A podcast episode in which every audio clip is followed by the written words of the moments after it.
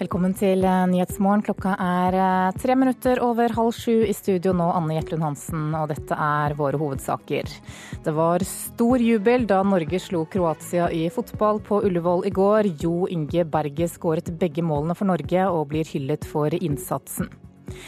I USA argumenterer både politikere og vanlige amerikanere for at USA må ta imot langt flere flyktninger fra Syria. Og Barneombudet er kritisk til at kommunene fører tilsyn med seg selv i barnehagesaker. Vi starter denne halvtimen med fotball. Landslagsspillerne hyller lagkamerat Jo Inge Berge, som skåret begge målene i EM-kvalifiseringskampen mot Kroatia i går. EM-håpet lever nå i beste velgående, mye takket være mannen som ble beskrevet som en flopp for bare ett år siden. Det er fantastisk. Er det noen som, altså, som fortjener det, så er det han. Tidligere lagkamerat i Celtic, Stefan Johansen, under Jo Inge Berges suksess. Han har fulgt med på Bergets svært varierende karriere. Han har hatt eh, to veldig tøffe opphold i både Cardiff og Celtic, og kommet til Malmö og, og fått selvtilliten inn som han tar med seg på landslaget. Det er artig at det, det er han som får det. Det, det er fullt fortjent. En fantastisk type tvers igjen. I går kveld Jo Inge Berge setter inn 2-0 mot Kroatia. Norsk seier og håpet om en EM-billett lever. Men det har vært en lang vei for 24-åringen. Han startet sin karriere i Lyn. Profflivet i Odinese, Cardiff og Celtic ble en prøvelse. Han ble karakterisert som en flopp for ett år siden. Nå er han toneangivende i svenske Malmö og ble en helt på landslaget i går kveld. Han er Norges mest populære mann i øyeblikket! Romkamerat på landslagssamlingene og tidligere lagkamerat i Molde, Even Hovland, skryter av Berge. Han var uheldig i Cardiff og Celtic, så at han ikke fikk mulighetene. Men han har tatt uh, opp hansken og jobba knallhardt for å komme tilbake. og Det er utrolig kjekt for Jo Inge sin del at han uh, viser det.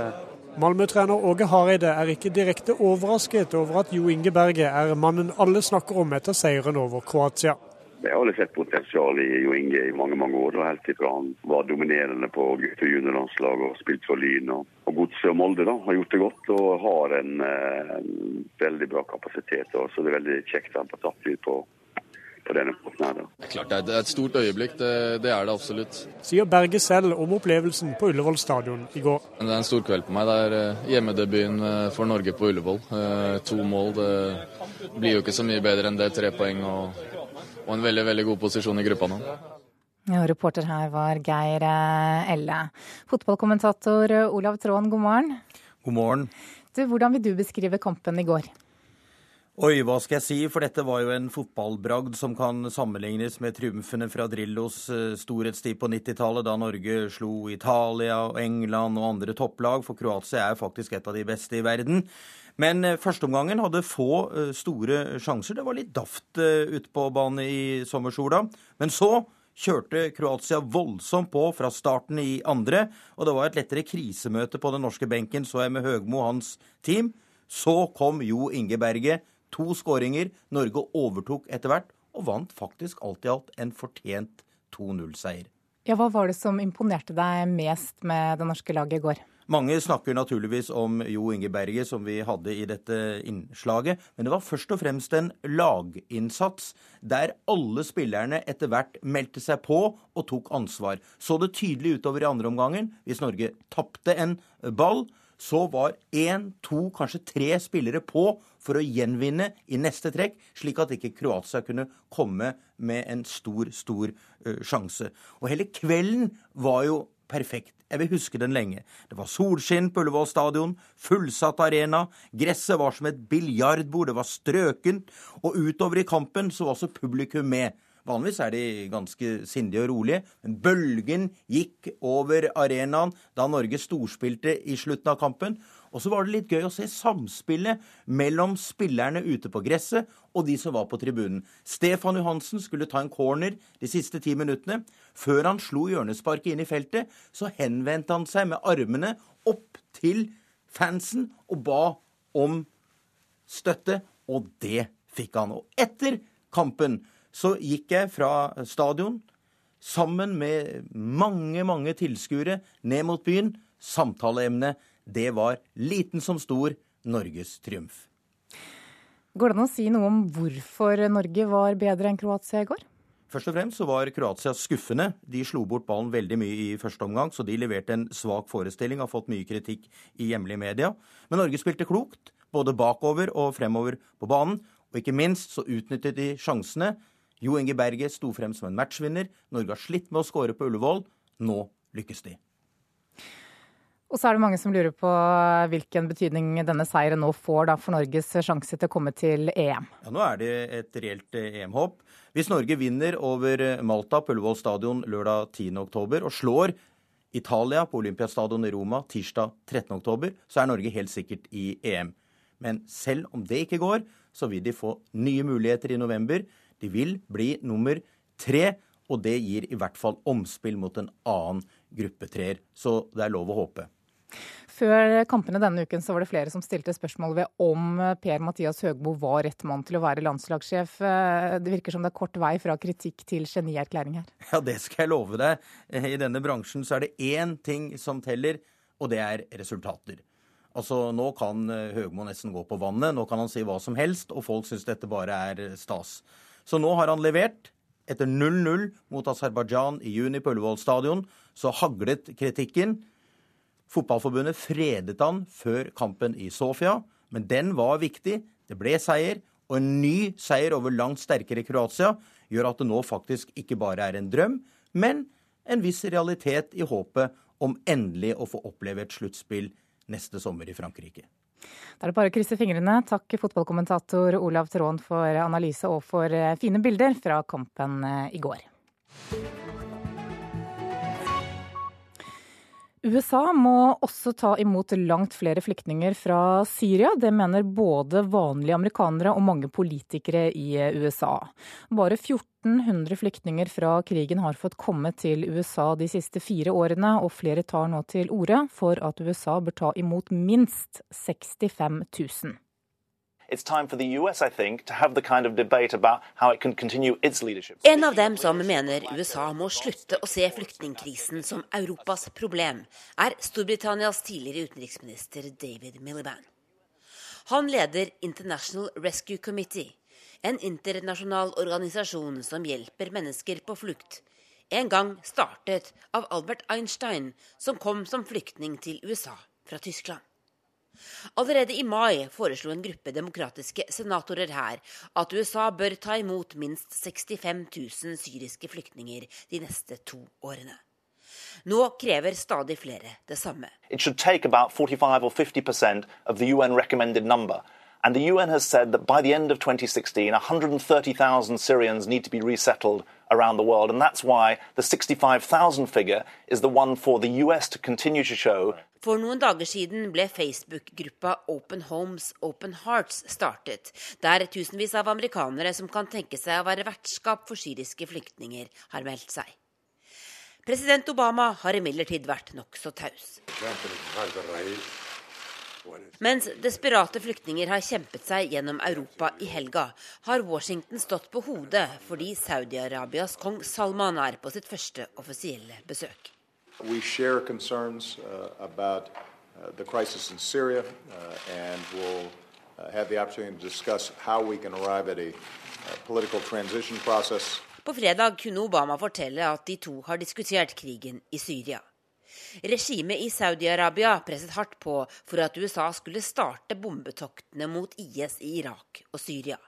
Men det søkkrike landet har ikke tatt imot en eneste flyktning fra Syria siden krigen startet. Det har heller ikke De forente arabiske emirater gjort. David Miliband sier til NBC at også Gulfstatene må begynne å ta ansvar umiddelbart. It's vital that countries, including in the Gulf, USA har fryktet at IS-sympatisører skal komme seg til USA under dekke av å være syriske flyktninger. Det er en grunn til at langt færre enn det FN har bedt om, har fått komme hit. Men dette argumentet holder ikke lenger i dagens situasjon, er det mange som mener. Tove Bjørgaas, Washington.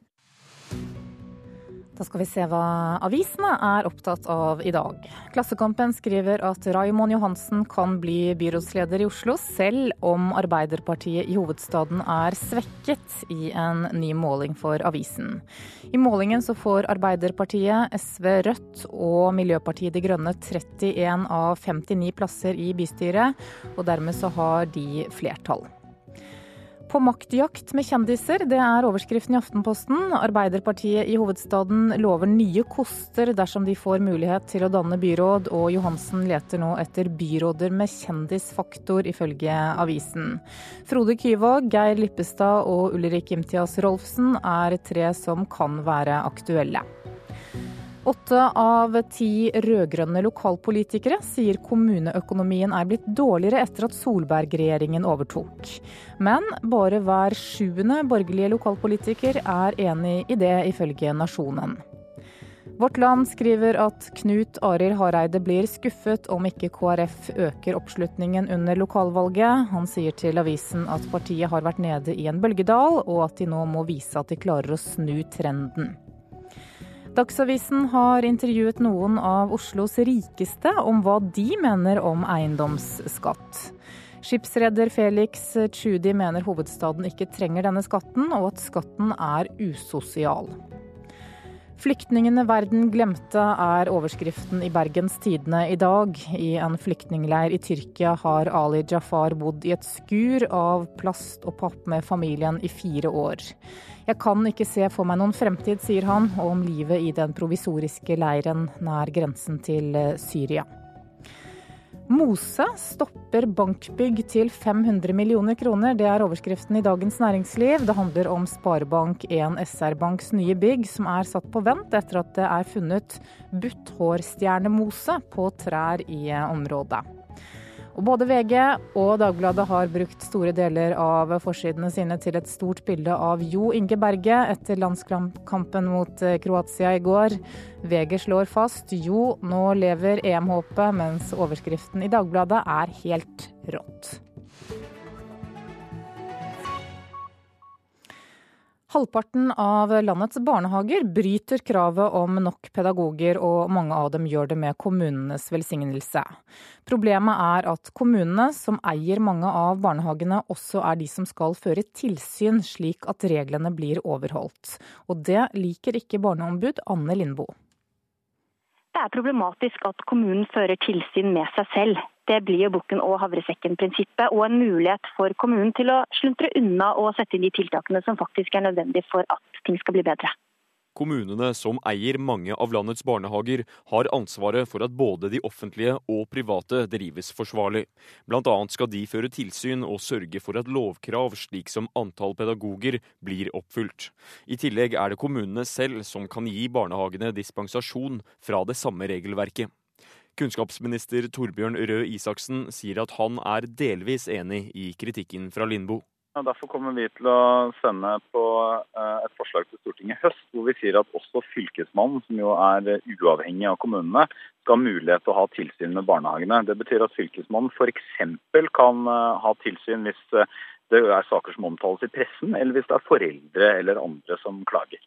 Men dette gjelder altså kun i noen tilfeller. Hvorfor ikke gi eh, fylkesmannen tilsynsansvaret i alle saker? Vi mener at det er en god idé at kommunene har et hovedansvar for barnehagepolitikken, sånn som de har i dag. Men samtidig så er det veldig viktig at vi da har en sikkerhetsventil og også får et uavhengig tilsyn som fylkesmannen vil gi. Det er derfor vi sender det på det forslaget til Stortinget i høst, og håper at det også blir vedtatt. Ja, Reportere var Vegard Valestrand og David Krekling. Klokka passerte akkurat 6.47. Dette er hovedsaker i nyhetene. Bønder i nærheten av byene sitter på milliardverdier når matjord omreguleres. Regjeringen planlegger nytt milliardkutt i formuesskatten, det skriver VG. Og landslagsspillerne hyller lagkamerat Jo Inge Berge, som skåret begge målene i EM-kvalifiseringskampen mot Kroatia i går. Så langt i år har norske museer fått 23 millioner kroner i eh, såkalt gaveforsterkning. Dette er en ordning der staten blir med på spleiselaget når private givere åpner lommeboka. Inspirerende, synes direktør eh, Ole Åstad Bråten ved Valdresmuseet. Han mener museene har vært for skeptisk til ordningen.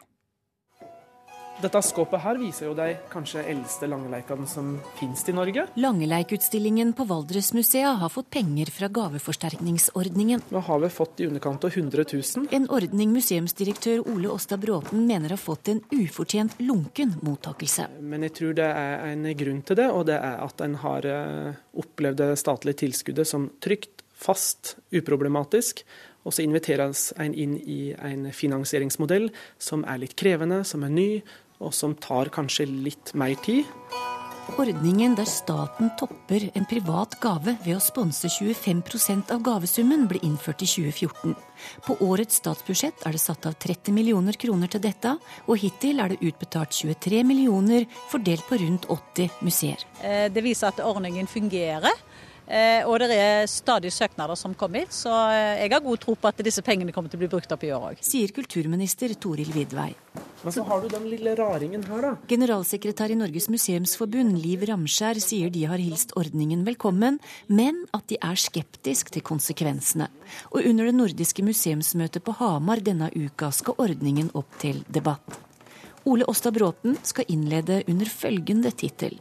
Sexy nok hvordan får en millionærene på glid? Det kan true friheten og det kunstneriske friheten som museene har når de programmerer.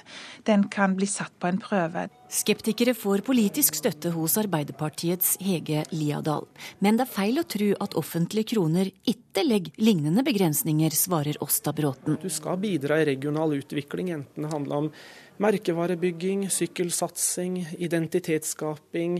Eh, vi skal kanskje selge musikk og mat og opplevelser fra gamle dager, for det er hyggelig og bekreftende på hvem vi er som valdrisa. Han vil gjøre mest mulig ut av ordningen, og går aktivt til verks for å få tak i mer private penger. Vi har tatt et bevisst valg at vi skal søke penger der de er.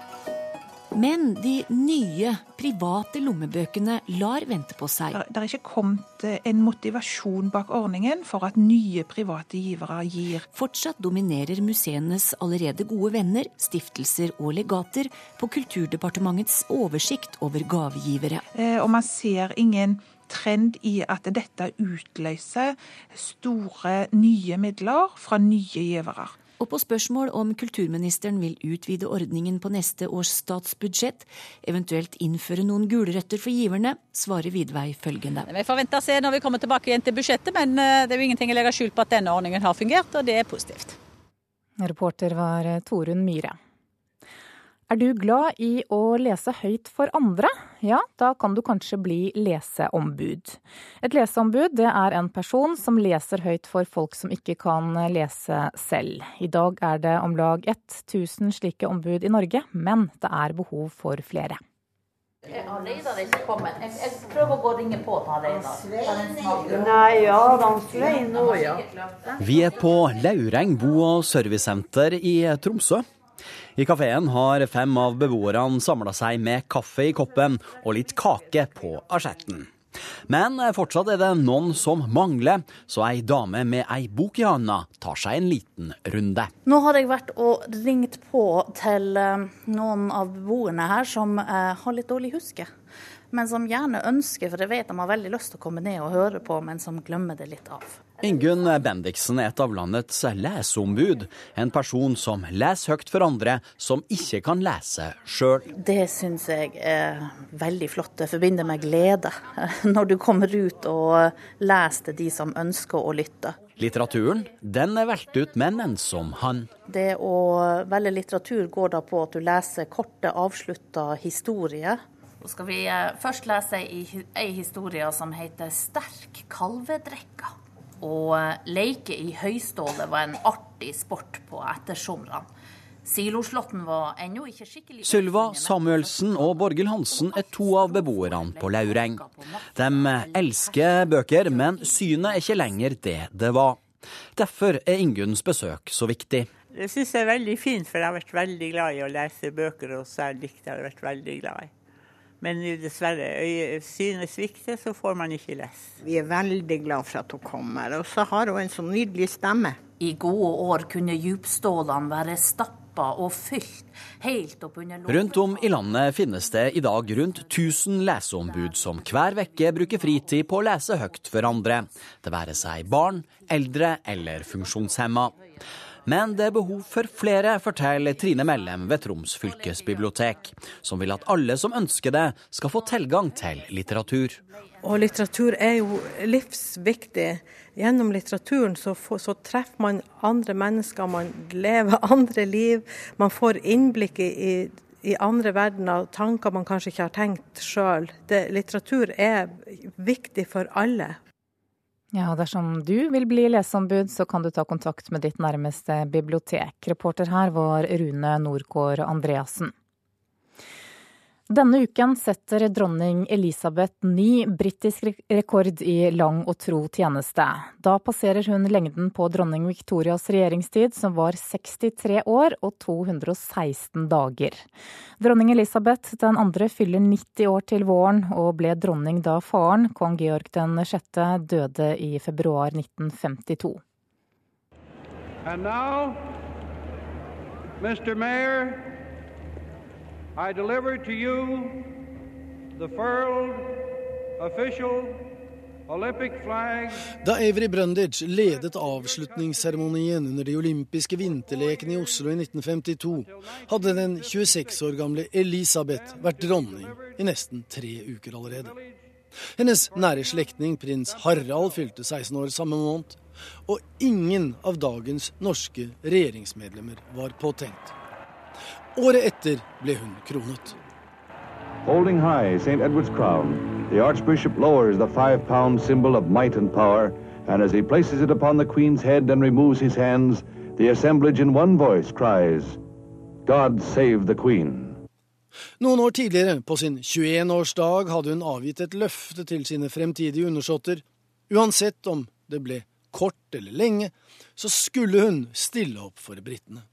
I declare before you all that my whole life, whether it be long or short, shall be devoted to your service and to the service of our great imperial family to which we all belong. Og mange husker i dag fremdeles dette løftet. Margaret Taylor er kongelig samler. Det vil si at hun er innehaver av alle mulige gjenstander. Huset er fylt av kongelig parafernalia, Kopper og kar, bilder av Buttons, duker og draperier. Alt med kongelige motiver. Og hun husker den unge prinsessens løfte. It's marvelous. I mean, she said when she was 21, whether life be long or short, she would be there for us, and she has. She's kept her word, and she will go on doing that. I'm sure of that. Av nålevende konger og dronninger har Elisabeth bare kong Bumibol av Thailand foran seg på listen av de som har regjert lengst.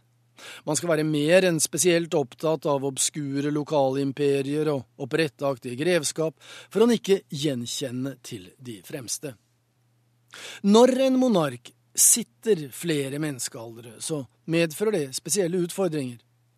Dronningen figurerer f.eks. på det meste av mynter og sedler i Storbritannia, og med all mulig respekt så har hun, i likhet med oss andre, endret utseendet en smule, noe som gir myntmakeren Jodi Clark en utfordring.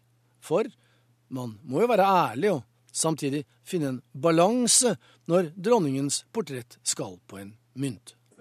Um, I think you've got to be quite honest to the way she looks now, but also not go too far. Um, I think I, I think I struck quite a good balance of uh, the way she looks uh, now in the modern times.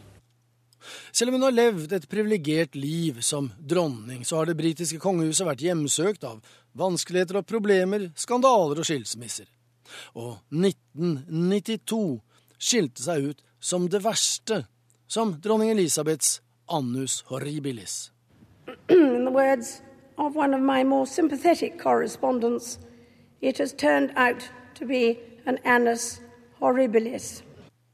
Og selv om britene elsker å spekulere i om når eller hun eventuelt skal abdisere, så sies det at det er ikke noe i disse ryktene, de har ingen forankring i virkeligheten. Dette er noe arveprins Charles gjennom mer enn 63 år bare må ta til etterretning. Skjønt, han setter også hver dag ny rekord. For ingen har vært Prince of Wales så lenge som han. Og det sa reporter Joar Hoel Larsen. Da skal vi se på et værvarsel som gjelder til midnatt. Langfjella, opphold og lange perioder med sol. Fjellet i Sør-Norge skyet og litt regn, vesentlig først på dagen. I Jotunheimen stort sett opphold og en del sol. Østlandet nord for Lillehammer delvis skyet, kan hende spredt regn lengst nord. Østlandet sør for Lillehammer, nær svenskegrensen delvis skyet oppholdsvær, ellers eh, pent vær. Telemark kan vente seg pent vær. Agder vest for Lindesnes periodevis nordvestlig liten kuling og pent vær. Rogaland og Hordaland i ettermiddag økning til nordlig liten kuling sør for Bergen. Utrygt for enkelte regnbyger på kysten, ellers for det meste pent vær. Sogn og Fjordane skyet eller delvis skyet, utrygt for litt regn og yr, vesentlig i nord. Møre og Romsdal nordvestlig liten kuling på Nordmøre. Skyet, regn og yr. I kveld avtagende nedbør. Trøndelag nordvestlig periodevis liten kuling på kysten. I kveld minkende til bris. Skyet, regn og yr. Nordland, der er det ventet regnbyger. Troms sørlig liten kuling på kysten. I formiddag dreiende til vestlig frisk bris. Regnbyger, men lite nedbør øst for Lyngen. Finnmark opphold og gløtt av sol. I ettermiddag enkelte regnbyger vest for eh, Nordkapp. Og på Nordensjøland på Spitsbergen er det ventet regn. Så tar vi med temperaturene som ble målt klokka fem. Da hadde Svalbard lufthavn tre grader, Kirkenes seks, Alta, Tromsø og Bodø sju, Brønnøysund ti, Trondheim ni, Molde elleve, Bergen og Stavanger ti, Kristiansand seks, Gardermoen åtte, Lillehammer fire, Røros seks og Oslo-Blindern sju grader. NRK P2. Klokka er 7.03. Eh, Nyhetsmorgen fortsetter med disse sakene. Venstre vil altså ha hastemøte om flyktninger fra Syria, men hva er det egentlig som skal til for å få slutt på krigen i landet? Bønder i bynære strøk sitter på milliardverdier når matjorda omreguleres. Sterke boligutbyggere truer matfatet, ifølge Jordvernforeningen. Og Brannsikkerheten i norske tunneler er basert på at folk skal redde seg selv. Det er både urealistisk og traumatiserende, mener psykolog. Som vi hørte i Dagsnytt, Venstre ber altså statsminister Erna Solberg innkalle til et ekstraordinært hastemøte om flyktningkrisen. Det skriver Venstre-leder Trine Skei Grande i et brev til nettopp statsministeren. I brevet skriver Skei Grande at Venstre vil gi regjeringen fullmakter til å overskride budsjettet for i år, for å avhjelpe den eskalerende flyktningsituasjonen. Dette haster så mye at det ikke kan vente til Stortinget åpner formelt om en måneds tid, mener Skei Grande, som videre skriver at man så raskt som mulig må bevilge mer penger for å håndtere krisen. For Venstre, som er budsjettpartner med regjeringa, så var det viktig for oss å si at eh, hvis regjeringa har fullmakter til å gjøre ting innenfor dette budsjettet som gjør at vi kan sikre at vi tar imot flyktningene på en, på en god måte, og at Norge kan bidra også internasjonalt for å gjøre det på en god måte. Eh, jeg vil sikre meg at den statsråden som drar ned eh, til det uh, møtet med, med, EU, også kan sørge for at Norge er med i den europeiske dugnaden jeg håper de kan bli enige om. Ja, det sa Venstre-leder Trine Skei Grande, og reporter var Oda Marie Midbø. Og I Syria så er det nå uro på flere fronter. Assad-regimet er presset nord i landet, og sør for hovedstaden Damaskus så har det denne helgen vært uro blant hans støttespillere etter at en bilbombe tok livet av en lokal leder. I uroen som fulgte, så ble seks av regimets sikkerhetsstyrker drept, ifølge eksilgruppen Syrian Observatory for Human Rights.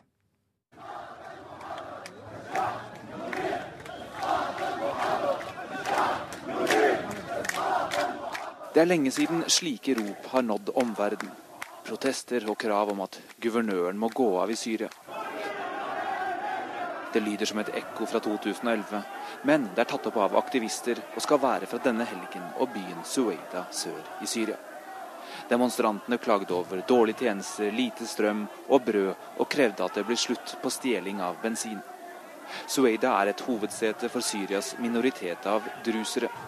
De har tradisjonelt vært Assads støttespillere, men uroen som kom til overflaten denne helgen, vitner om et mer sammensatt bilde. For demonstrasjonene skjedde både før og etter to voldsomme bilbomber rystet byen. I den første ble den drusiske lederen sjeik Wahid al-Balous drept sammen med mange andre. Den andre eksploderte inne i byen, etter sigende i nærheten av sykehuset.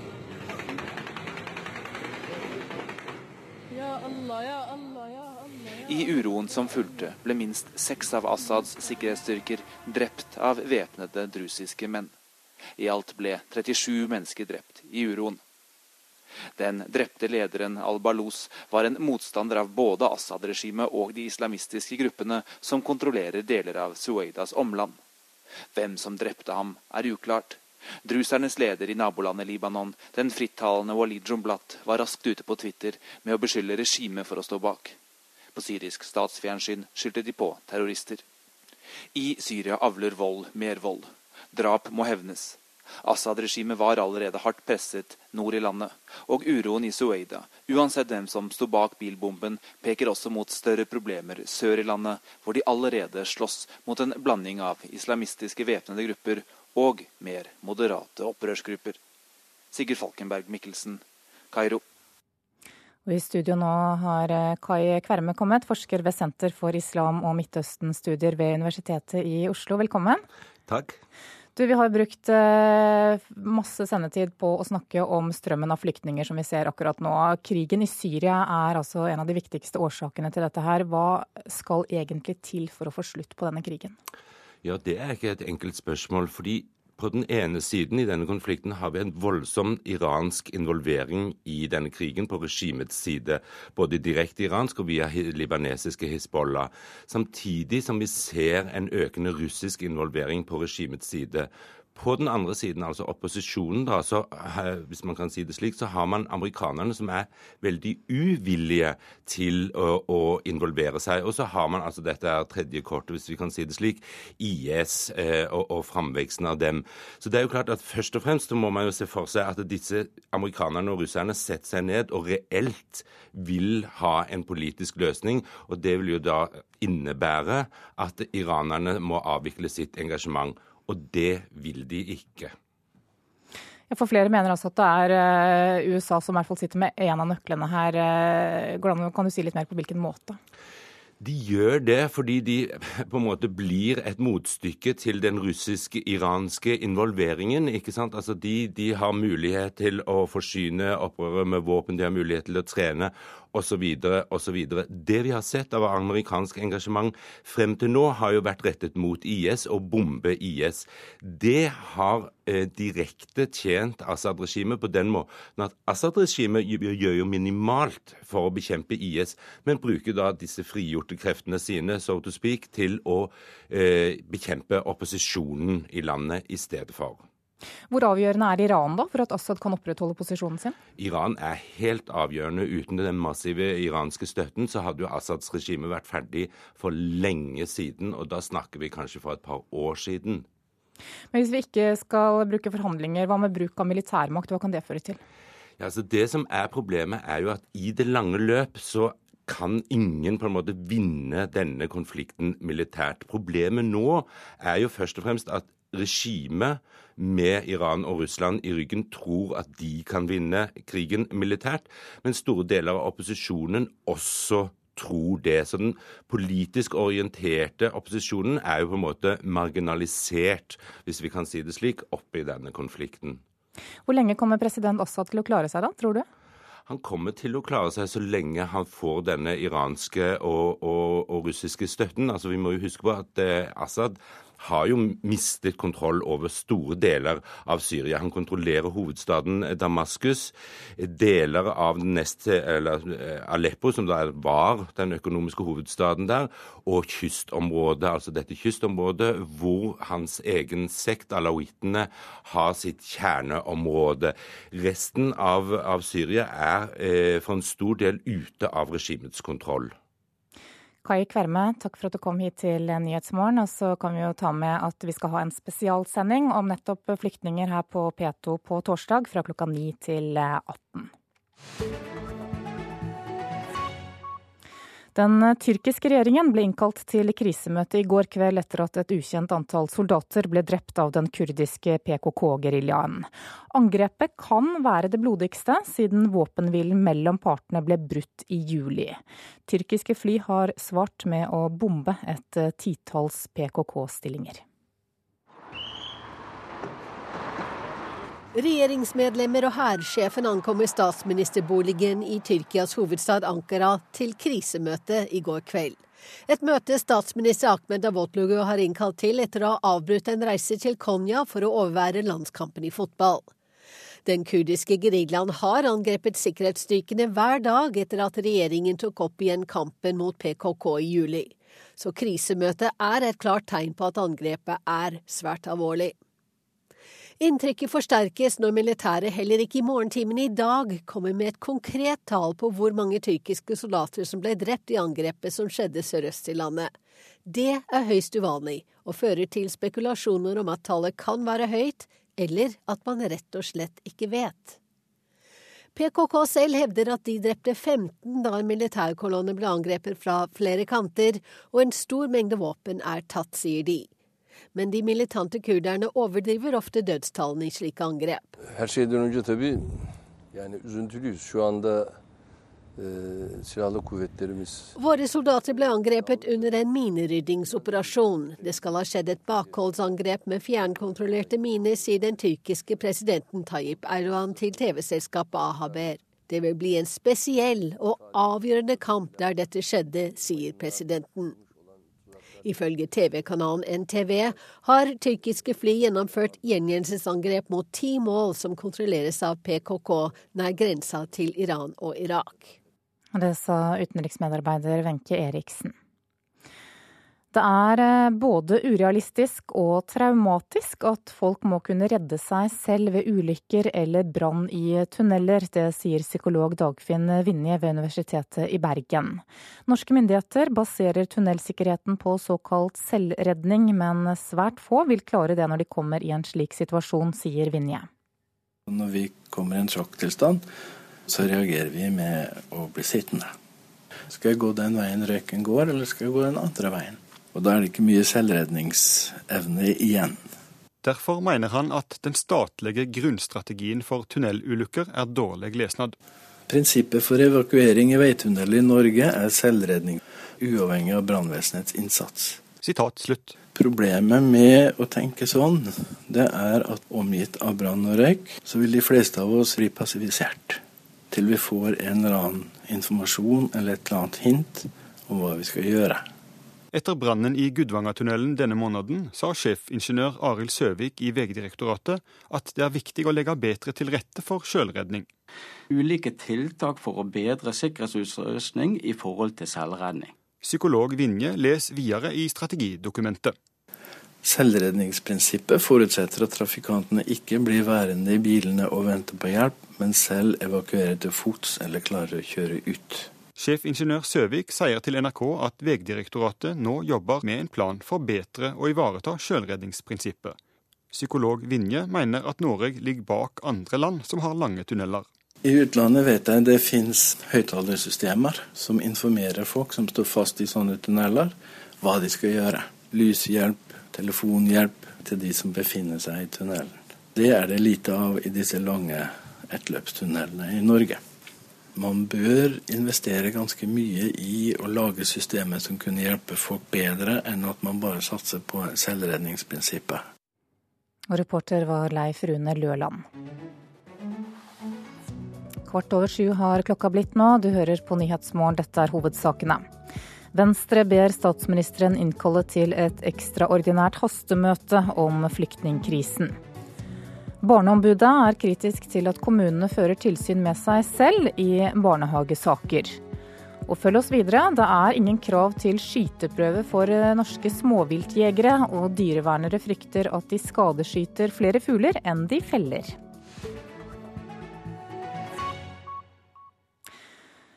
Sterke boligutbyggere truer verdifull matjord, det mener Jordvernforeningen. Kampen om jorda gjør at bønder i sentrale strøk kan bli rike uten å løfte en finger. For noen, for noen bønder så kan en åkerlapp være verdt milliarder av kroner, det sier administrerende direktør Bård Schumann i en av Norges største boligbyggere, Selvåg bolig. Det er klart For en, eh, for en grunneier som eier et sånt område, som eh, blir attraktivt på den måten, så er det jo det som å vinne i Lotto. Det er jo en jackpot, det. Å bevare dyrkbar jord er en forutsetning for å sikre matforsyning både nå og i fremtiden. Men mye av den aller beste matjorda i bynære strøk gir samtidig eventyrlig gevinst for både kommuner, grunneiere og utbyggere. Det skjer når kommunene går med på å omregulere tomta. I Bærum er en liten åkerlapp på 50 mål nok til å vinne jackpot. En slik tomt, hvis den ligger eh, på et attraktivt sted, eh, så er den fort verdt en 500 eh, millioner kroner. Å bygge ned Jæren, hele Norges matfat, rammer hele Norge. I samme grad som det å bygge ned matjorda i Trondheim, i Vestby eller i Os. Utenfor Sola rådhus i forrige uke en gruppe på 100 jordvernere har samlet seg for å protestere mot kommunens planer om å omdisponere enda mer matjord. Det er jo altså Med en gang kapitalen kommer, så logrer lokale politikere. Og Det er klart det er, det er, det er snakk om store summer. Men du, er ikke det greit da? For altså, en bonde som allikevel ikke vil fortsette å være bonde, så må det være fint om han får et tosifra millionbeløp? Vi har et moralsk ansvar for å ta vare på matjorda for neste generasjon. Sier Jon Lea, leder i Rogaland jordvernforening. De siste åra har det vært omdisponert over 2000 mål i Sola. I mange år har det vært konflikter mellom jordvernere og de som ønsker mest mulig vekst. Og mange har inngått hemmelige opsjonsavtaler, forteller jordverner Anne Marie Joa. Ja, det er mye press, og det har vært mye press i mange år.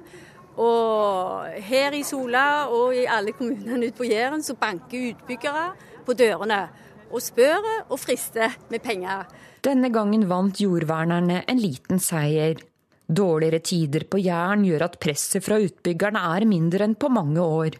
Ordfører Ole Uland fra Høyre sier kommunen stopper planen om å legge mer matjord under asfalt og boliger. Eh, og akkurat i den situasjonen som er nå, så ser vi at vi har boligområder eh, tilgjengelig for den neste fireårsperioden, sånn at vi, vi greier oss en stund til. Matfatet vårt er truet, sier Torgeir Kinn, leder i Stavanger Bondelag. Bondelaget krever full offentlighet om alle avtalene som er inngått mellom utbyggere og grunneiere. Det er jo ikke noe, egentlig noe offentlig register på dette her. og En, en kan si at en utfordrer demokrati på, på en måte når når det er så sterke økonomiske interesser som, som står bak hvor vi skal bygge ned, og, og, og hvor vi skal få produsere mat. Ja, reporter var eh, Line Tomter. Cato Nyquist, politisk redaktør i avisa Nasjonen, god morgen. Morgen, morgen. Aller først, eh, går det an å gi et bilde på, på hvordan bøndene opplever dette presset fra utbyggere? Ja, så det er jo Rundt de store byene så er det et formidabelt eh, press. Altså De verdiene som de arealene representerer, er jo noe helt annet enn det eh, bøndene kan påregne og tjene som gårdbrukere. Eh, jeg kikka litt på en statistikk og ser at eh, har du 340 dekar korn, som eh, i og for seg er relativt mye, så har du en årsinntekt på det på ca. 200 000 eh, kroner. Men den samme jorda kan du altså få mange hundre millioner kroner for hvis den blir omdisponert til boligformål f.eks. Hvor vanskelig er dette valget da, for, eh, for bøndene? Eh, ja, Du sitter jo da med en eh, nokså beskjeden landbruksinntekt på den ene sida, så har du en potensiell gullgruve på den andre. Og så vet jeg at mange gårdbrukere kjenner på det moralske ansvaret som det blir vist til i, i reportasjen. Men eh, du skal sannelig ha en sterk ryggrad for å, for å se bort fra slike eventyrlige inntekter, eh, også når du tenker på dine egne etterkommere osv. Hvis vi løfter det med moralsk ansvar eh, litt opp, da, hvem er det egentlig som må ta det? Er det hver enkelt bonde, eller er det storsamfunnet, eller hvem?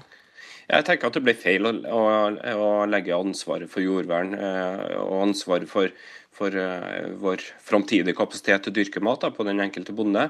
Uh, jeg, mener at, uh, jeg, mener at, her må storsamfunnet ta ansvar. skal vi ta vare på matjorda, så tror jeg at det trengs et langt sterkere juridisk vern av den. Slik at den enkelte bonde slipper å komme i det her voldsomme dilemmaet. Og enten høste en eventyrlig engangssum, eller, eller sitte, på, sitte, på, jorda til, til glede for framtidige generasjoner. Men da går vi vel også glipp av flere boliger til vanlige folk? Ja, men jeg tror nok at det er sånn uh, i, i, Norge og i, i, byene at vi har rikelig med alternative arealer å bygge på. Uh, jeg så en annen statistikk som viser at uh, nordmenn er på europatoppen, den desiderte europatoppen når det gjelder arealbruk per innbygger. Vi bruker omtrent dobbelt så mye areal som, som snittet i EU, f.eks. Så var det en påstand her fra Rogaland jordvernforening om at med en gang kapitalen kommer, så logrer lokale politikere. I hvilken grad stemmer det? Nei, det er, altså det er en spissformulering. Men det er klart at eh, de her store profesjonelle aktørene, eh, hvis de skaffer seg en opsjonsavtale med en grunneier og, og, og setter i gang apparatet sitt, så er det klart at eh, da har de lettere for å, for å få gjennomslag for omdisponering enn om eh, en vanlig mann skulle, skulle ha jobba for det. Så, så, det er klart det, det, er en sannhet i det. Men, eh, men det er også mange lokalpolitikere som, som er prinsipielle. Det, det, er jo noe av det lokalvalget tross alt handler om. Det, her er det fullt mulig å spørre de ulike partiene og, og politikerne i, i, din kommune om hva de mener om, om jordvern. Politisk redaktør Cato Nyquist i Nasjonen, takk for at du var med i Nyhetsmorgen. Da skal vi se hva avisene er opptatt av i dag. Klassekampen skriver at Raymond Johansen kan bli byrådsleder i Oslo, selv om Arbeiderpartiet i hovedstaden er svekket i en ny måling for avisen. I målingen så får nemlig Arbeiderpartiet, SV, Rødt og Miljøpartiet De Grønne 31 av 59 plasser i bystyret, og dermed har de flertall. På maktjakt med kjendiser, det er overskriften i Aftenposten. Arbeiderpartiet i hovedstaden lover nye koster dersom de får mulighet til å danne byråd, og Johansen leter nå etter byråder med kjendisfaktor. Frode Kyvåg, Geir Lippestad og Ulrik Imtias Rolfsen er tre som kan være aktuelle, ifølge avisen. Åtte av ti rød-grønne lokalpolitikere sier kommuneøkonomien er blitt dårlig etter at eh, Solberg-regjeringen overtok. Men bare hver sjuende borgerlige lokalpolitiker er enig i det, ifølge Nasjonen. Vårt Land skriver at Knut Arild Hareide blir skuffet dersom ikke KrF øker oppslutningen under lokalvalget. Han sier til avisen at partiet har vært nede i en bølgedal, og at de nå må vise at de klarer å snu trenden. Dagsavisen har intervjuet noen av Oslos rikeste om hva de mener om eiendomsskatt. Skipsreder Felix Tschudi mener hovedstaden ikke trenger denne skatten, og at skatten dessuten er usosial. Flyktningene verden glemte er overskriften i Bergens Tidende i dag. I en flyktningleir i Tyrkia har Ali Jafar bodd i et skur av plast og papp med familien i fire år. Jeg kan ikke se for meg noen fremtid, sier han om livet i den provisoriske leiren nær grensen til Syria. Mose stopper bankbygg til 500 millioner kroner. Det er overskriften i Dagens Næringsliv. Det handler om Sparebank1 SR-Banks nye bygg i Stavanger, som er satt på vent etter at det er funnet butthårstjernemose på trær i området. Både VG og Dagbladet har brukt store deler av forsiden sin til et stort bilde av Jo Inge Berge etter landskampen mot Kroatia i går. VG slår fast Jo, nå lever EM-håpet, mens overskriften i Dagbladet er helt rått.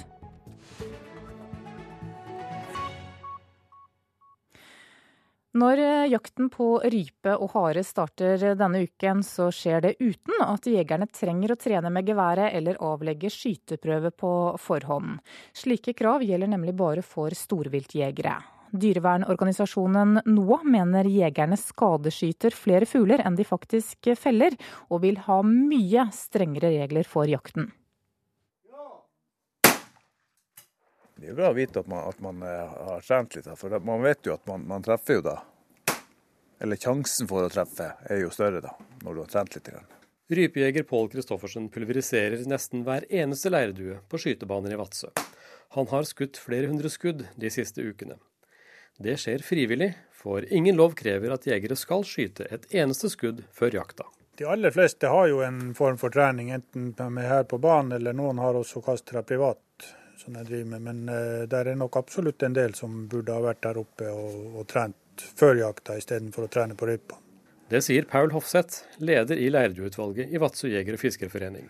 Det er klart dem som blåser støv av hagla på første rypa, det blir gjerne skadeskyting. Undersøkelser viser at enkelte jaktformer gir svært mye skadeskyting. På Sørøya i Finnmark hadde opptil 25% av harene hagl i kroppen på slutten av jaktsesongen.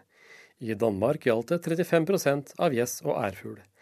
Dette er minimumstall.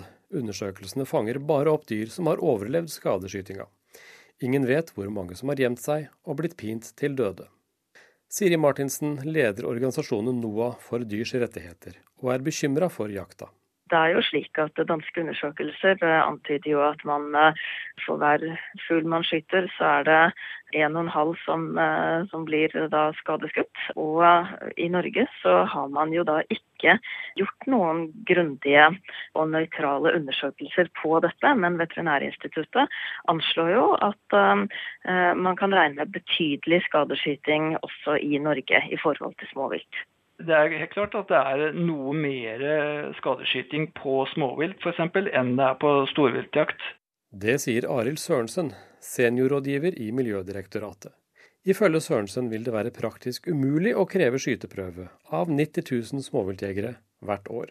Hvis de skal ta en prøve, en eller annen test i forhold til lærerskyting, så vil det bli sprengt kapasitet, vil sprenge kapasiteten på lærerbanene. Men Sørensen sier også at det er store forskjeller på å skyte på en leirduebane og praktisk jakt. Han er ikke sikker på at tvungen skytetrening ville hjelpe. Det er ikke nødvendigvis sånn at det at vi innfører en skyteprøve for haglgevær på lærduer, medfører at frekvensen av skadeskyting går ned. Det er ikke noe automatikk i det. Derimot tror Sørensen på at jegere må læres opp til å ta personlig ansvar Ansvar er også kongstanken til Norges jeger- og fiskerforbund. Informasjonssjef Espen Farstad vil ikke ha obligatorisk skyteprøve for småviltjegeren. Du kan på en måte ikke på alle områder i samfunnet ende opp med et lovverk og et regelverk som tvinger folk i en atferd. Her handler det veldig mye om holdninger. Det er veldig viktig at vi har den fokusen på at ansvaret ligger hos hver enkelt jeger, og at vi ikke på en måte sniker oss ut veien ved å bare lage et regelverk på dette som folk pliktskyldig følger. På skytebaner i Vadsø er det derimot stemning for å tvinge dem som ikke vil. Jeg har absolutt vært tilhenger av obligatorisk treningsskyting. Det har jo vært På storvilt har det jo vært i flere år, men det er jo noen få skudd de er pliktige til å ta 30, så vidt jeg husker i farta. Og eh, Det hadde ikke vært borte vekk om vi hadde hatt det samme på småvilt. Det hadde, hadde vært helt topp. Ja, til slutt her så hørte vi Paul Hofseth i Vadsø jeger- og fiskeforening, og reporter det var Knut Sverre Horn. Du lytter til Nyhetsmorgen nå. Klokka nærmer seg 7.30 og Dagsnytt. I Politisk valgkvarter etter det så blir det bl.a. debatt om jordvern. Sylvi Listhaug møter Ola Borten Moe. Og så skal det også handle om skatt. Produsent for Nyhetsmorgen i dag det er Eli Bjelland. Her i studio Anne Jetlund Hansen. Og dersom du har tips eller kommentarer, send oss gjerne en e-post. Adressen er 03030 nrk.no.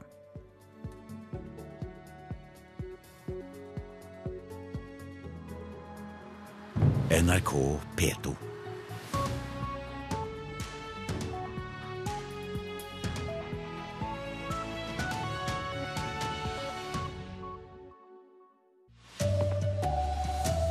Venstre ber statsministeren kalle inn til hastemøte om flyktningekrisen. Sterke boligutbyggere truer matfatet, advarer Jordvernforeningen. Bønder blir fristet med store beløp. Landslagskamerater hyller Jo Inge Berge. Han skåret begge målene for Norge i går. Det er noen som, som fortjener det, så er det han. Her er NRK Dagsnytt klokken 7.30. Ja, Venstre ber altså statsminister Erna Solberg kalle inn til ekstraordinært hastemøte om flyktningkrisen. Det skriver Venstre-leder Trine Skei Grande i et brev til statsministeren. Jeg vil forsikre meg om at Norge deltar i den eh, europeiske dugnaden som nå trengs å gjøres. Sier Venstre-leder Trine Skei Grande. I et brev ber hun statsminister Erna Solberg innkalle til hastemøte om flyktningekrisen. Årsaken er at situasjonen stadig eskalerer, og Skei Grande mener det må bevilges mer penger til å avhjelpe situasjonen. For Venstre, som er budsjettpartner med regjeringa, så var det viktig for oss å si at eh, at regjeringa har fullmakter til å gjøre ting innenfor dette budsjettet som gjør at vi kan sikre at vi tar imot flyktningene på en, på en god måte, og at Norge kan bidra også internasjonalt. Venstre ønsker å diskutere økt innsats i nærområdene i Syria-regionen, samt diskutere om hvorvidt man kan fremskynde mottak av syriske flyktninger, som Norge allerede har forpliktet seg til de to neste årene. De siste ukene har det kommet rekordmange asylsøkere også til Norge. Og så ser vi at det kommer veldig mange flyktninger til, til Norge i dag og søker om asyl. Og vi ser et stort folkelig engasjement knytta til det. Og det er viktig at eh, det offentlige hjelperapparatet finner alle de frivillige som har lyst til å bidra. Reporter Oda Marie Midbø. Velkommen i studio, Midtøsten-forsker Kai Kverme. Hva slags leveforhold er det de fleste Syria-flyktningene rømmer fra? Ja, De fleste av de som vi får hit nå, kommer jo da fra enten Tyrkia eller Libanon, der de har vært i leire i veldig lenge. Og det er jo veldig, veldig håpløse forhold. Libanon er et bitte lite land med en befolkning på størrelse med Norge som har tatt imot oppimot to millioner syrere, ikke sant? og hvor ressursene er fullstendig tømt. Altså i den grad at man knapt klarer å gi disse flyktningene mat lenger. Så det er veldig desperate forhold de kommer fra. Krigen i Syria er jo en av de viktigste grunnene til den store strømmen av flyktninger eh, vi ser akkurat nå. Hva skal til for å få slutt på denne krigen, mener du? Altså Først og fremst må man jo ha en vilje fra USA og Russlands side til å gå inn og reelt tvinge frem en løsning. Dessverre ser det ut som det er det helt motsatte som skjer. På den ene siden har man Iran eh, og Russland, og hvor Iran er massivt inne militært på regimets side og støtter det. Men på den andre siden så har man da altså amerikanerne som er veldig uvillige til å gå inn og gjøre noe som helst. Altså, Ingen av sidene kan vinne denne konflikten militært. Det eneste det fører til, er voldsomme ødeleggelser, men det mangler en reell vilje til å få slutt på konflikten. Veldig kort til slutt. Eh, hvis eh, konflikten da bare fortsetter, hvordan går det med sivilbefolkningen? Ja, de, de, dør jo i veldig mange. altså Vi er jo oppe i, i, i tapstall nå på over 250 000. Og flyktningstrømmen i retning Europa, i retning nabolandene, vil bare øke. Takk til deg, Midtøsten-forsker Kai Kverme. Her hjemme planlegger regjeringen milliardkutt i formuesskatten for tredje år på rad. Det skriver VG. I tillegg kutter de selskapsskatten med to prosentpoeng. Også skatt på alminnelig lønnsinntekt skal kuttes med to prosentpoeng. For å sikre at staten fortsatt får inn like mye skattepenger, innfører regjeringen ifølge avisen en helt ny toppskatt. Sterke boligutbyggere truer verdifull matjord, advarer Jordvernforeningen. Kampen om jorda gjør at bønder i sentrale strøk kan bli rike uten å løfte en finger. For noen bønder kan en åkerlapp være verdt milliarder av kroner, sier administrerende direktør Bård Schumann i en av Norges største boligbyggere, Selvåg bolig. Det er klart For en, for en grunneier som eier et sånt område, som blir attraktivt på den måten, så er det jo det som å vinne i Lotto. Det er jo en jackpot, det. Å bevare dyrkbar jord er en forutsetning for å sikre matforsyning både nå og i fremtiden. Men mye av den aller beste matjorda i bynære strøk gir samtidig eventyrlig gevinst for både kommuner, grunneiere og utbyggere. I Bærum er selv en åkerlapp på 50 mål nok til å vinne jackpot hvis kommunen omregulerer fra matjord til boligbygging. En slik tomt, hvis den ligger eh, på et attraktivt sted, eh, så er den fort verdt en 500 eh, millioner kroner. Å bygge ned Jæren Hele Norges matfat rammer hele Norge. Utenfor Sola rådhus i forrige uke. En gruppe på 100 jordvernere har samlet seg for å protestere mot kommunens planer om å omdisponere enda mer matjord. Det er jo altså Med en gang kapitalen kommer, så logrer lokale politikere. Og det er klart det er, det er, det er snakk om store summer. Sier Jon Lea, leder i Rogaland jordvernforening. Vi har et moralsk ansvar for å ta vare på matjorda for neste generasjon. På Jæren er det flere bønder og jordeiere som har inngått hemmelige opsjonsavtaler med utbyggerne. I tillegg er det flere tidligere politikere som nå jobber for utbyggernes interesser. Uheldig, sier leder i Stavanger Bondelag, Torgeir Kinn. Når det er store summer inn, inn, i bildet, så er det for mange vanskelig å stå imot et sånt press. Det er det, altså. Ja, I Politisk kvarter på P2 blir det debatt om denne saken om få minutter. Reporter Line Tomter. Barneombudet reagerer kraftig på at over halvparten av landets barnehager bryter kravet om å ha nok pedagoger.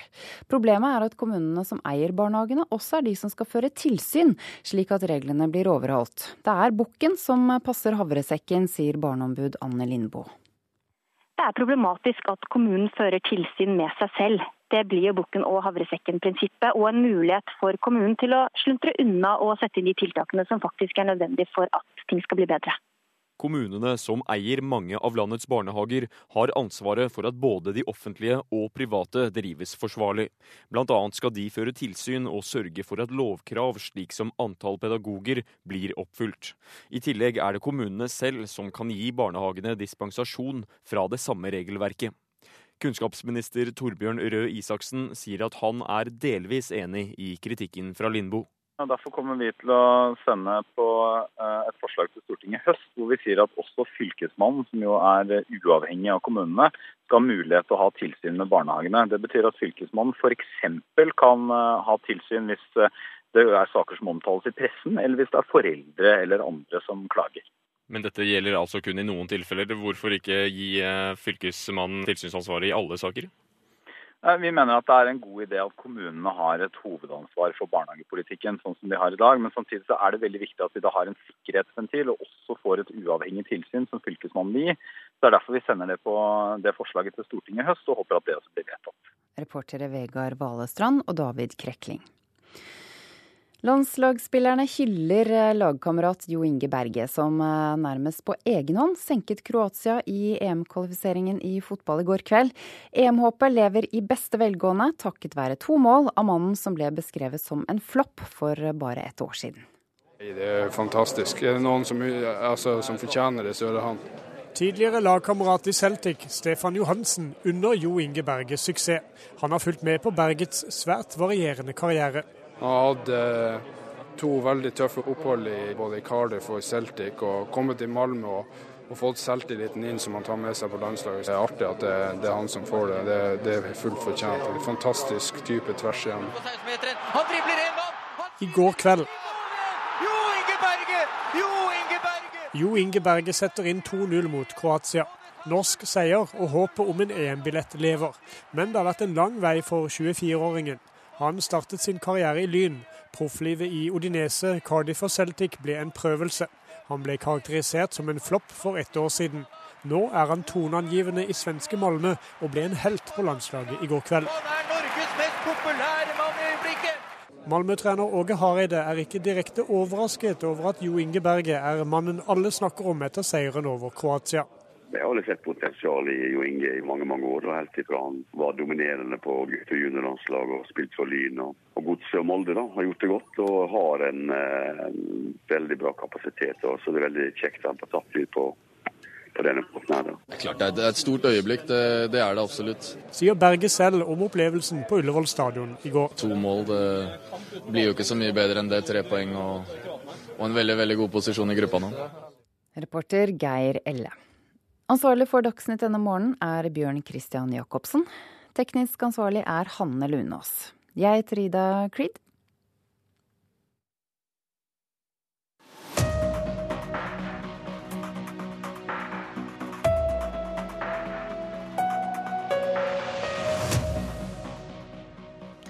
Nye milliardkutt til de rikeste, melder VG i dag. Men KrF, som har advart regjeringen om nye store kutt i formuesskatten, de er ikke så opprørt. Og én uke igjen til valget. Én uke på å stanse parkeringshuset i Kristiansand sentrum, eller sikre at det blir bygget. Én uke på å overbevise velgerne om at det ikke må bygges boliger på matjord. Eller sikre at det blir bygget boliger. Velkommen til Politisk valgkvarter, parlamentarisk leder i KrF, Hans Olav Syversen. Takk for det. Dere har advart mot nye store kutt i formuesskatten. Dere vil heller kutte i selskapsskatten. Og så, i dag skriver VG at regjeringen kommer til å foreslå nye kutt i formuesskatten på 1,3 milliarder kroner, og kutte selskapsskatten fra 27 til 25% noe som kan være et kutt på ca. 4 milliarder, alt ifølge VG. Og du er ikke direkte misfornøyd? Ja, Hvis jeg følger den uh, overskriften 'nye kutt til de rikeste', så vil jeg advart mot det. Men jeg tror en må se på helheten. Hvis dette er en lekkasje som stemmer, så kutter man nå noe i formuesskatten. Det vil vi sikkert diskutere nærmere med regjeringen. Vi er opptatt av å gi kutt der det virker mest for norsk næringsliv. Og Der har vi jo fått rapport etter rapport som viser at å kutte i selskapsskatten er det mest effektive. Og Der foreslår man, som du sier, fire milliarder. Og så Når det gjelder denne formuesskatten, hvis det er slik som det står i VG, da, med alle forbehold, at det også skal komme en toppskatt, så vil jo det ramme de som har de høyeste inntektene, hvis vi skal kalle det det. Og Da er det i hvert fall eh, viktig for meg å se på balansen i dette, før jeg liksom slår det helt til jorden. Men når det gjelder formuesskatten, så har jo vi vår egen modell, nemlig at eh, den formuen som blir og arbeider i bedriften, og dermed ikke tas ut i privat forbruk, den bør ikke beskattes. Men det som tas ut privat, det kan beskattes. Og der har, der har regjeringen et arbeidsoppdrag fra nesten et samlet storting. Så jeg er jo veldig spent på om dette betyr at de har forlatt det oppdraget. Det syns jeg ville vært synd. Kutt i formuesskatten har vært den store debatten i norsk økonomisk politikk, og mange velgere gikk til Arbeiderpartiet etter debatten i fjor. De har angrepet regjeringen for skattekutt til de rikeste. Jonas Gahr Støre sier til VG at 1,3 milliarder vil være store kutt i formuesskatten. Og så hører jeg deg nå, jeg jeg deg nå. Er, du, er du uenig? Eh, altså, Det er valgkamp, og jeg skal prøve å være litt eh, objektiv og si at eh, et kutt på 1,3 milliarder, hvis halvparten tas i et bunnfradrag, sånn som det foreslo, jeg syns man skal være nøktern nok til å si at det er et moderat uh, kutt. Om det er riktig, det vil vi gjerne diskutere med regjeringen, om vi heller bør legge det på andre steder. Det som vi kommer til å være opptatt av når vi ser helheten, det er at vi setter inn støtet nå for å sikre oss at vi kjemper mot arbeidsledigheten, enten det er via skattepolitikk eller tiltak som gjør at flere kommer i arbeid. Det vil være vårt hovedfokus når budsjettet kommer. Og hvis regjeringen stirrer seg blind på å kutte formuesskatt, så vil de få kamp. Men dere er et samarbeidsparti. Dere skal eh, gjøre opp om budsjettet med regjeringen sammen med Venstre. Og så hører jeg du sitter her og sier at det som Vega presenterer i dag, det kan vi egentlig leve ganske nå, godt med? Nei, nå må, nå må, du ikke dra meg for langt. Jeg sier at eh, hvis man på den ene siden kutter i formuesskatten, men på den annen side også sørger for at de aller rikeste får sin del av uh, en, skatte, uh, en skattepåplussing, så vil jeg se det i sammenheng. Jeg vil ikke se det isolert. Men gjør ikke regjeringen her akkurat det dere har bedt om? De bruker de store pengene på å kutte i selskapsskatten. Jo.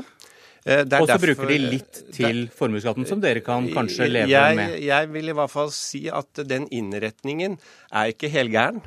Eh, det er ikke verst å si det bare det i en valgkamp. Så, så la oss nå se hva de kommer med. Eh, for oss er balansen viktig, og først og fremst at vi sørger for en politikk nå som gir arbeidsplasser, og ikke at vi får en økende ledighet som resultat av budsjettet. Men det kan da høres ut som Jonas Gahr Støre vil stå, bli stående uten Hareide og Syversen i å kritisere at dette blir forferdelige skattekutt til de rikeste nok en gang?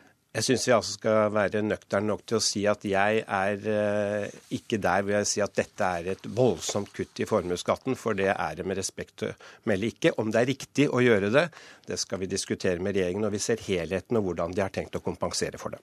Vi ser deg i studio om dette ved en senere anledning. Hans, jeg håper jeg. Hans Olav Syversen.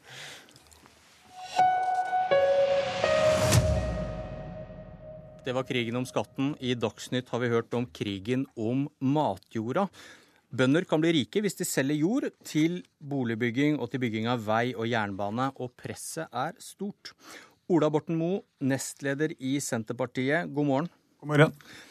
Hvorfor kjemper dere for et nasjonalt vern av matjord? Nei, har, Matjord i Norge er en veldig begrensa ressurs. Det er kun 3% av Norge som er matjord.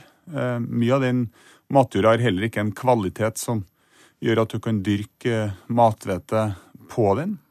Eh, vi er derfor nødt til å ta vare på denne matjorda for framtidige generasjoner. Vi vet at vi blir flere mennesker framover. Flere mennesker som skal ha mat, og kommende generasjoner som skal ha mulighet til å brødfø seg sjøl. Så vi anser det å ta vare på dyrka jord og matjord i Norge som en av de aller viktigste sakene for framtida. Hva slags nasjonale grep ønsker du å ta? Vi ønsker å halvere utbyggingstakten eh, på matjord. Det klarte vi forrige gang vi satt i regjering. altså Fra 2005 til 2013 så halverte vi nedbyggingstakten ned mot 6000 mål. Nå øker utbygginga igjen. Vi ønsker å halvere den til 3000 eh, dekar, altså senke den ytterligere. Og så er ikke det nok alene. Vi er òg nødt til å dyrke mer jord, altså øke arealet andre steder. Og vi må ta vare på alle de andre jordbruksarealene som vi har gjennom aktiv drift. Men det lokale selvstyret som Senterpartiet holder så høyt, det gjelder bare når den lokale politikken sammenfaller med Senterpartiets? Nei, lokalt selvstyre det er viktig når man skal forvalte lokale ressurser. Og det er ikke matjord? Nei, matjord er en nasjonal ressurs.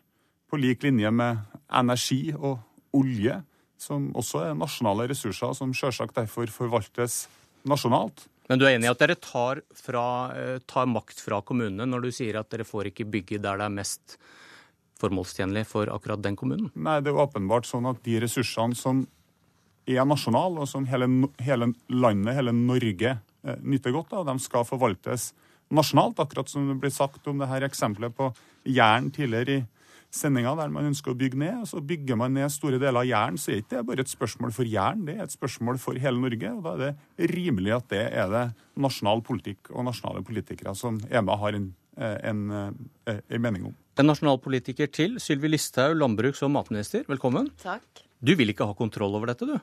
Jo, men kontroll har vi jo. Eh, og jeg har reist land og strand rundt nå i valgkampen, møtt lokale politikere. Og jeg har ikke møtt en eneste lokalpolitiker som sier at det er et mål å bygge ned mest mulig matjord. Men du vil la kommunene styre, og da kan mye matjord forsvinne for godt uten at dere kan stanse det?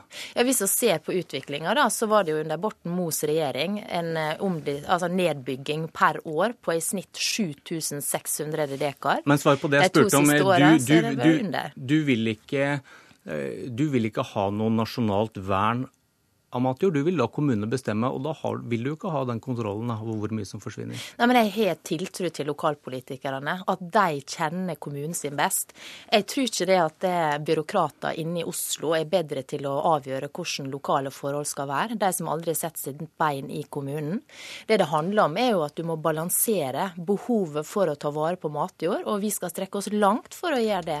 Og alle lokalpolitikere jeg treffer, er opptatt av det nå mer enn noen gang pga. den den debatten eh, som er. Da Men så er det samtidig ta, sånn da, da, da, kan du få lov til å ta poenget med Borten Moe og hva hans regjering gjorde. Ja, altså, det, om, De bygde jo ned mer matjord i snitt per år enn det som gjøres nå. De to siste åra er det de åra som det har vært minst nedbygging av matjord siden disse målingene starta i 1976. Og så er jo spørsmålet, Hva er det, det som bygges da på denne matjorda? Jo, det er jo veier. Ta E18 gjennom Vestfold. Der gikk det med mye matjord. Men jeg tror ikke det finnes en eneste sjel nærmest som vil si at det var ufornuftig. Det har altså redda mange liv. Det har sørga for at vi kommer raskere fram. Det har gjort hverdagen enklere for folk flest. Så er det boliger. Vi blir stadig flere. Altså I Oslo-området så regner vi med 350 000 flere innbyggere fram til 2030. Disse må ha et, sted å bo, de må ha et sted å jobbe. Vi må bygge skoler, vi må bygge eh, eldreomsorgsinstitusjoner veier, jernbane. Og Det er derfor det du ikke kan sitte her og så liksom bare overstyre disse lokalpolitikerne i ett og alt. Jeg har full tiltro til at de vil gjøre alt som er mulig for å unngå å bygge på matjord. Borten Moe, her var det mange gode argumenter for å bygge på matjord? Det var veldig mange dårlige argument. Altså for det første så er jo sentrale og, altså Stamøy-prosjektene våre er jo nasjonale prosjekt og bør selvsagt bestemmes av regjeringa, også trasévalg der det er nødvendig. Og så ligger det jo også i det Senterpartiet sier at ja, noe matjord er vi nødt til å ta. Eh, F.eks. når man skal ha på plass eh, gang- og sykkelveier, når man skal ha på plass viktige samferdselsprosjekt. Men det er også sånn at det finnes mange alternative plasser å legge både veier infrastrukturprosjekt, og ikke minst boliger.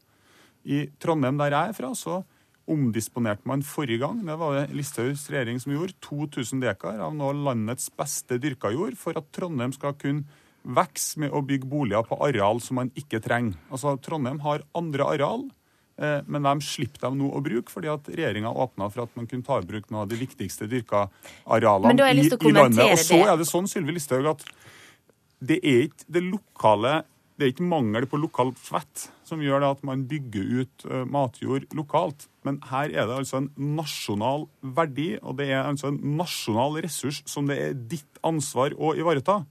Og vi reduserte matjordutbygginga gjennom vår regjeringstid. Du har starta på øken. den. Økte fra 2013 til 2014, og den kommer til å øke enda mye mer fordi at du sier at det her vil du ikke styre. Så nå kommer både utbyggere og kommuner til å merke seg at det her er helt greit og så kjører man på, og så kommer tallene til å gå rett i himmelen igjen. Men nå er det sånn at de to siste åra så er det aldri vært lavere nedbygging siden 1976. og Hva det kommer altså det de to det, som det vi kommer av knalla rød-grønn styring, og når du kjem, sier at nå slipper det opp, så kommer det til å bli slippes opp. Nå er det min tur. Det kommer av at fokuset på, på jordvern er sterkere enn det noen gang har vært. På hvilken måte?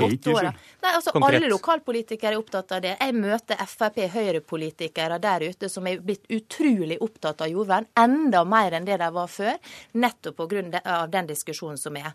Men så er det jo også sånn at Senterpartiordførere, det er jo Ja, det vet ikke hvordan dere, dere gjør det internt hos dere, men i Re, der dere har hatt ordføreren i 16 år, så har de altså bygd helsehus, rådhus, idrettshall, kjøpesenter og leiligheter på dyrka mark. Sånn at man må se seg sjøl i speilet. Og når det gjelder den saka i Trondheim, så hadde dere god tid på å avgjøre den i den rød-grønne regjeringa, men det makta ikke dere, for dere var rykende uenige internt. Senterpartiet vant ikke fram. Og når vi kom inn i regjering, så gjorde vi det så gjorde vi det som, så gjorde vi det som vi hadde lova, nemlig at man fikk lov til å bygge ut. Og så bare én ting til. Nei, nei, nå var det det at jeg, sa, jeg sier at Det at Sylvi Listhaug avgjør saken om 2000 dekar med den beste dyrkajorda i Norge, og, og, så skylder på oss og sier det at det var det, det, var det, vi, altså det var det altså Listhaug som bestemte fordi at den saken ikke ble avgjort av den forrige regjeringa. Det Vel, det fratar jo ikke Sylvi Listhaug ansvaret for den beslutninga som er fatta. Og jeg tror at det nå sitter utbyggere over hele Norge og merker seg at hver gang det er en avveining mellom dyrka jord og andre interesser, så er det, de, så er det dyrka jorda som taper og andre interesser som vinner. Og så vet man at vel, neste gang vi har et veiprosjekt, neste gang vi har et kjøpesenter, neste gang vi har et IKEA-senter som skal bygges ut, eller boliger, det er bare å ta dyrka jord. Denne regjeringa kommer ikke til å stoppe det. Ok, i kveld skal du til Atle Bjurstrøm på Lillehammer 21.30 på NRK1. Der fortsetter debatten.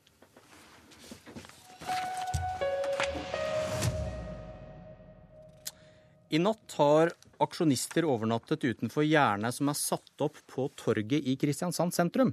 De vil stanse byggingen av et parkeringshus under torget, men arbeidene har allerede startet. Men det er valget om en uke som kommer til å avgjøre om det blir parkeringshus eller ikke. Mette Gundersen, Arbeiderpartiets ordførerkandidat i Kristiansand. Du vil si opp kontraktene med utbyggerne hvis du får makt. Hvordan forsvarer du det? Det forsvarer jeg med at det har vært et stort folkelig engasjement mot dette parkeringshuset under torvet, som eh, bl.a. gjør at en må flytte en, eh, en, gammel kirkegård, og eh, mange graver skal graves opp. Vi har hele tida fra Arbeiderpartiet sin side vært tydelige på at vi ikke ønsker dette gigantiske anlegget. Hvor mange biler er det snakk om? 450 parkeringsplasser eh, midt i hjertet av Kristiansand. Harald Furre, Høyres ordførerkandidat i Kristiansand. Hva tenker du om at Arbeiderpartiet vil si opp kontrakter hvis de overtar makten? Vi syns det er lite redelig og ryddig. Denne saken har vært behandla grundig i bystyret i Kristiansand. Også Arbeiderpartiet var for reguleringsplanen når det gjelder parkeringshus på Øvre Torv i 2011. Eh, men er imot at hele torvet skal være et parkeringshus. Så de er for et halvt et, men imot et helt et. Og vi mener at eh, det har vært en demokratisk og ryddig prosess, og kontrakten er inngått. Og da vil det være veldig uh, uheldig om uh, bystyret senere i uh, høst sier at denne kontrakten må heves. Mm. Du, Hvorfor trenger man Furre, et parkeringshus i sentrum av Kristiansand? Bystyret i Kristiansand har vedtatt at det skal inn mellom 10 og 15 000 flere mennesker i Kvadraturen. Denne flotte kvadratkilometeren som er ikonet for eh, Kristiansand. Det sammen med ønsket om å vitalisere sentrum når det gjelder handel, gjør at vi ønsker at det skal bli mulig å lettere komme inn i Kvadraturen, raskt finne en parkeringsplass, og også skape muligheten for et mer vitalt sentrum. Vi kan fjerne gateparkeringer og flytte bilene ned i parkeringshuset, og dermed skape et eh, mer livlig og vitalt sentrum enn det vi har i dag. Hvorfor mener du at disse argumentene ikke holder, Gundersen? For det første så holder ikke argumentet med at byen skal vokse. For dette er parkeringsplasser som er ment til eh, handlende, og ikke til boende i Kristiansand. Så er det sånn at eh, vi eh, er forplikta til å følge opp Stortingets eh, klimaforlik på lik måte med alle andre byer her i eh, Norge. Og denne bymiljøavtalen som Kristiansand snart skal i gang og forhandle med departementet om, eh, sier noe om hva slags eh, restriktive tiltak eh, kommunen må innføre. Og Da rimer det veldig dårlig å åpne opp for at vi skal ta imot enda flere eh, biler, bygge flere parkeringshus i sentrum av Kristiansand. Og så har jeg lyst til å si en ting. Og det at eh, TØI, altså Transportøkonomisk institutt, har gjort beregninger på at Kristiansand er den byen i Norge med best parkeringsbelegg per i dag. Og Det betyr at behovet for dette parkeringshuset ikke er til stede.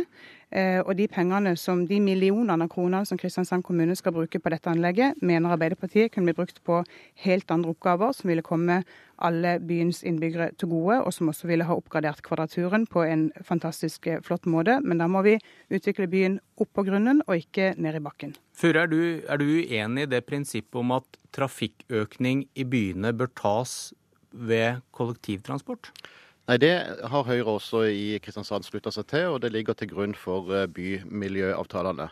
La meg først si eh, Men hvordan rimer dette med 400 nye parkeringsplasser under torget?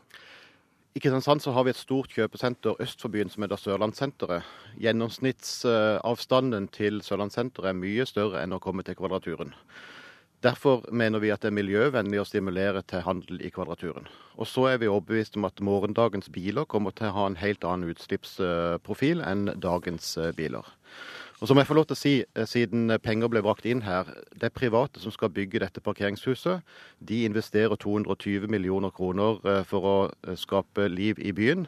Kristiansand kommune skal bare betale 18 millioner kroner for to adgangstårn til, til eh, dette parkeringshuset. Så det er en uh, flott deal for Kristiansand kommune. Gundersen, du bommer på miljø, miljøregnestykket, hører du her? Nei, jeg bommer verken på miljøregnestykket eller på pengeregnestykket, for å si det sånn.